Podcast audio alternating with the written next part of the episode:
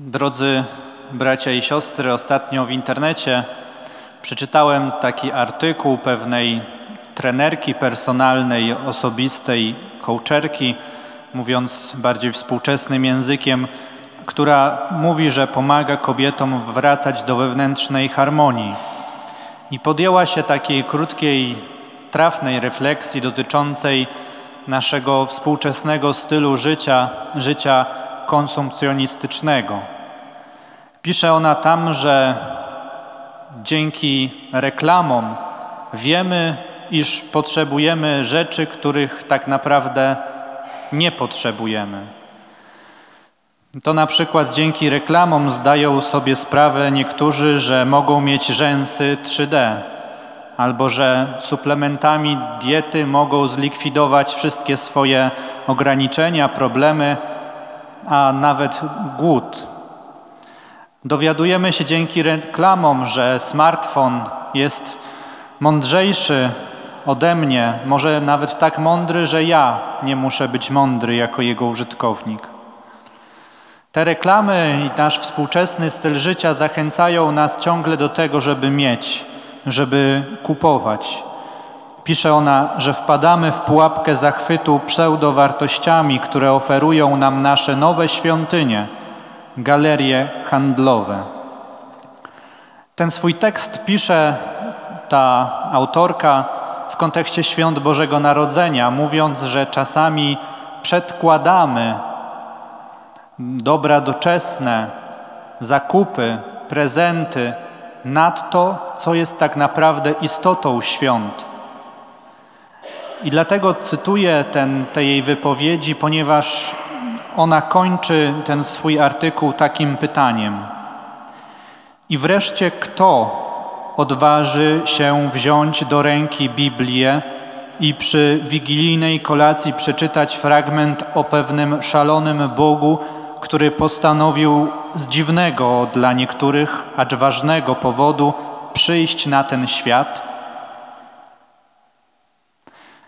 Kto z nas potrafi w świętach, czy to Bożego Narodzenia, czy również w świętach, które przeżywamy teraz, w uroczystości wszystkich świętych, dostrzec i dostrzega prawdziwy ich sens. Warto może właśnie w kontekście tego dzisiejszego świętowania albo tego świętowania, które nadejdzie jutro i pojutrze, kiedy będziemy modlić się za naszych bliskich, zmarłych, zadać to pytanie, które ona zadaje w następujący sposób: Kto z nas odważy się wziąć do ręki różaniec i przy grobie swoich bliskich pomodlić się o ich zbawienie, rozważając historię o pewnym szalonym Bogu, który postanowił z dziwnego dla niektórych, acz ważnego powodu stać się człowiekiem, umrzeć i zmartwychwstać? I nie chcę, aby te nasze rozważania poszły w kierunku modlitwy za zmarłych, bo czas na refleksję nad tymi tematami będziemy mieli w następnych dniach. Ale chcę, abyśmy się zatrzymali nad ideą święta, które dzisiaj przeżywamy, nad ideą świętości. Bo czy ktoś z nas podejmuje w sposób właśnie bardziej pogłębiony refleksję nad tym, czym jest świętość? Czy nie jest aby przypadkiem tak, że nasze rozumienie świętości zatrzymało się na poziomie szkoły podstawowej i świętych postrzegamy jako ludzi ładnie uczesanych, schludnie ubranych, takich po prostu grzecznych? I przy czym zaznaczam, że do grzeczności nie mam nic i nie widzę nic w niej złego i nie widzę nic złego w tym, aby się schludnie ubierać. Stawiam jednak pytanie, kto z nas odważy się wziąć do ręki Biblię i przeczytać fragment o pewnym szalonym Bogu, który dla nas grzechem uczynił tego, który nie znał grzechu, abyśmy my stali się sprawiedliwością Bożą? Co to znaczy dla Ciebie, bracie i siostro, być świętym. Święty Alfons Maria de Liguori, wywodzący się ze szlacheckiej i bogatej rodziny neapolitańskiej, urodził się w 1696 roku i był wyposażony w wybitne zdolności intelektualne. W wieku 16 lat uzyskał doktorat z prawa cywilnego i kanonicznego, był najznakomitszym adwokatem Neapolu i przez 8 lat wygrywał wszystkie sprawy, których się podejmował. W 1723 roku oburzony korupcją i niesprawiedliwością, jakimi skażone było środowisko sądownicze, porzucił swój zawód. Choć pewnie gdyby chciał, mógłby dalej kolejne sprawy wygrywać i odnosić sukcesy życiowe i prowadzić życie na najwyższym poziomie społecznym. Jednakże w jego duszy zrodziło się inne pragnienie pragnienie Boga. Zrozumiał, że jego powołaniem jest co innego. Został głosicielem Ewangelii i świadkiem jej życia, a swoim życiem i pozostawionym dorobkiem pisarskim przypomina nam, że każdy chrześcijanin jest powołany do świętości. Zakonnik jako zakonnik, człowiek świecki jako świecki, kapłan jako kapłan, małżonek jako małżonek, żołnierz jako żołnierz i tak można by wymieniać przedstawicieli każdego stanu.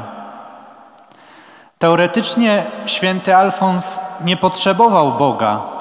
Mógł sobie sam zapewnić najwyższy poziom życia, jaki był możliwy w tamtych czasach. Przykładów ludzi, którzy podobnie jak on, teoretycznie nie potrzebowali Boga do zaspokojenia swoich potrzeb, jest wielu. Przypomnijmy sobie chociażby tych, naszych polskich świętych. Święta Kinga, trzecia z kolei córka Beli IV króla węgierskiego, święta Jadwiga, królowa, święty Kazimierz, królewicz, święty Stanisław Kostka, syn kasztelana zakroczymskiego, błogosławiona Maria Teresa Leduchowska, dama dworu wielkich książąt toskańskich Marii Ferdynanda IV i inni. Nie potrzebowali Boga, aby żyć w sposób pełny, mając wszystko, co im do życia potrzebne. Jednak w życiu tych świętych wydarzyło się coś, co spowodowało, że bardziej, bardziej pragnęli Boga niż bogactwa światowego. Postanowili zawierzyć swój los Bogu. Pomimo swojej zamożności zrozumieli, że człowiek nie może zbawić się, to znaczy uszczęśliwić na wieki sam. Ich wyrzeczenie bogactwa nie było jednak motywowane zewnętrznie, to znaczy nie byli jakimiś antycznymi cynikami, którzy uważali, że jedynym dobrem dającym szczęście jest cnota, rozumiana jako pełne panowanie nad sobą. To znaczy, nie uważali oni, że mogą sami sobie zapewnić szczęście poprzez doskonałość etyczną Często bowiem szczerze zaprzeczali swojej doskonałości w tym aspekcie. Uważali się za wielkich grzeszników. Zatem w ich życiu wydarzyło się jeszcze coś więcej niż tylko przewartościowanie bogactwa materialnego. Przewartościowali również doskonałość etyczną. Odkryli że Zbawicielem jest Bóg, że źródłem szczęścia nie jest ani dobrobyt materialny, ani doskonałość etyczna. W rękach Boga złożyli swoje życie. Kim zatem jest święty? Święty to ten, i ta odpowiedź nam, ludziom żyjącym właśnie w XXI wieku, w cywilizacji nastawionej na konsumpcjonizm, posiadanie i zdobywanie szczęścia poprzez dobra moralne, nam, ludziom, którzy często też, jak mniemamy, możemy zagwarantować sobie szczęście poprzez doskonałość etyczną. Nam, takim właśnie ludziom, potrzeba tej odpowiedzi prawdziwej na to pytanie, kto to jest święty. Święty to ten, który pozwala zbawić się Bogu. Święty to osoba, która do szpiku kości rozumie i żyje prawdą, że jedynym prawdziwym źródłem dobra i szczęścia jest Bóg, że Bóg jest Zbawicielem. Ten konsumpcjonistyczny świat XXI wieku, w którym przyszło nam żyć, jest dla nas wielkim niebezpieczeństwem. Niebezpieczeństwem, które zagraża nam w osiągnięciu świętości, a zagrożenie to tkwi nie tylko w naszym najwyższym poziomie życia materialnego, jaki mamy, ale chyba jeszcze bardziej tkwi ono utożsamieniu świętości z byciem człowiekiem doskonałym. Jedno drugiemu co prawda nie przeczy, bo można być świętym, będąc bogatym, i można być świętym, będąc jak najbardziej doskonałym etycznie. I Kościół na ołtarze za przykład świętości wynosi często takie właśnie osoby, które stanowią pewien wzór moralny. Ale nie oznacza to, że te osoby były bezgrzeszne, a utożsamienie świętości z bezgrzesznością prowadzi do zatarcia właściwego rozumienia świętości, a przez to często do jej utraty. I dzisiejszy świat mediów mainstreamowych próbuje zatrzeć, a może bardziej wykorzystać zatarty w nas obraz świętości. Próbuje wykorzystać obraz świętości niewłaściwy, który wielu ma w dzisiejszym świecie. Przykład? Chociażby święty Jan Paweł II, którego na wszystkie możliwe sposoby próbuje się oskarżyć o niegodność bycia świętym. Dlaczego? Bo za jego czasów działy się w kościele straszne rzeczy, a on nie reagował, mówią niektórzy.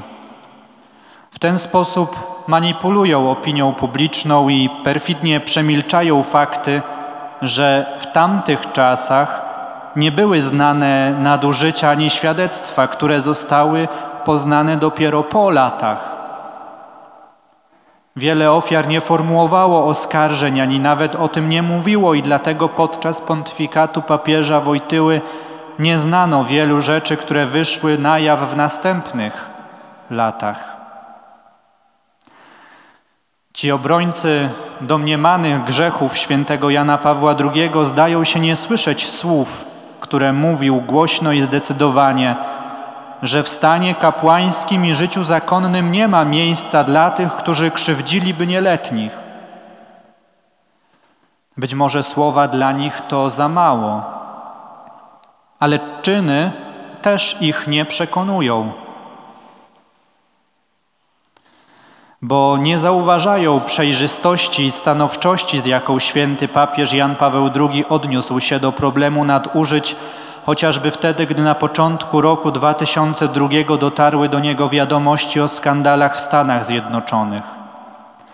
8 grudnia 2002 roku Stolica Apostolska zatwierdziła dokument zawierający obowiązkowe procedury przy rozpatrywaniu przestępstw przeciwko szóstemu przykazaniu, w których zanotowano m.in. wymóg powołania w każdej diecezji koordynatora do spraw opieki duszpasterskiej nad osobami, które twierdzą, że były wykorzystywane. Oraz dokument ten zawierał polecenie usunięcia na stałe z służby kościelnej każdej osoby skazanej za wykorzystanie nieletnich. Co zatem jest istotą oskarżeń kierowanych przeciwko świętości papieża, jeśli nie fakty? Czym tak naprawdę te oskarżenia są motywowane? Wykorzystując powszechne pojmowanie świętości jako doskonałości etycznej, próbuje się zdeprecjonować, zdewaluować, uczynić nic niewartym przykład życia i nauczanie świętego Jana Pawła II. Człowieka do szpiku kości, co powszechnie potwierdzają ci, którzy go znali, świętego.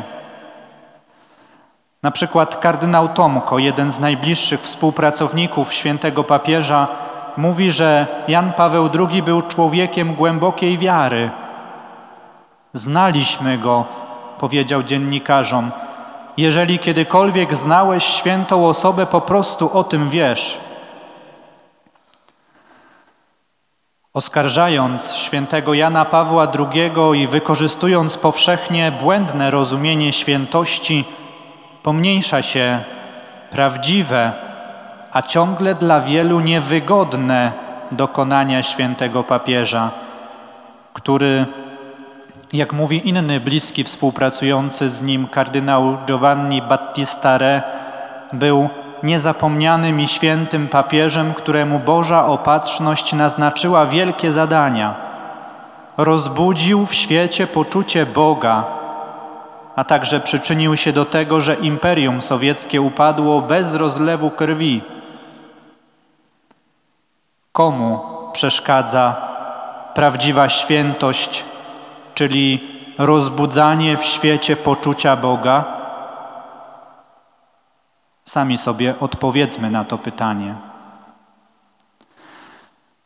Czy w Twoim życiu, drogi bracie i droga siostro, weźmie górę pokusa mówiąca, że sam potrafisz zadbać o swoje szczęście i zbawienie?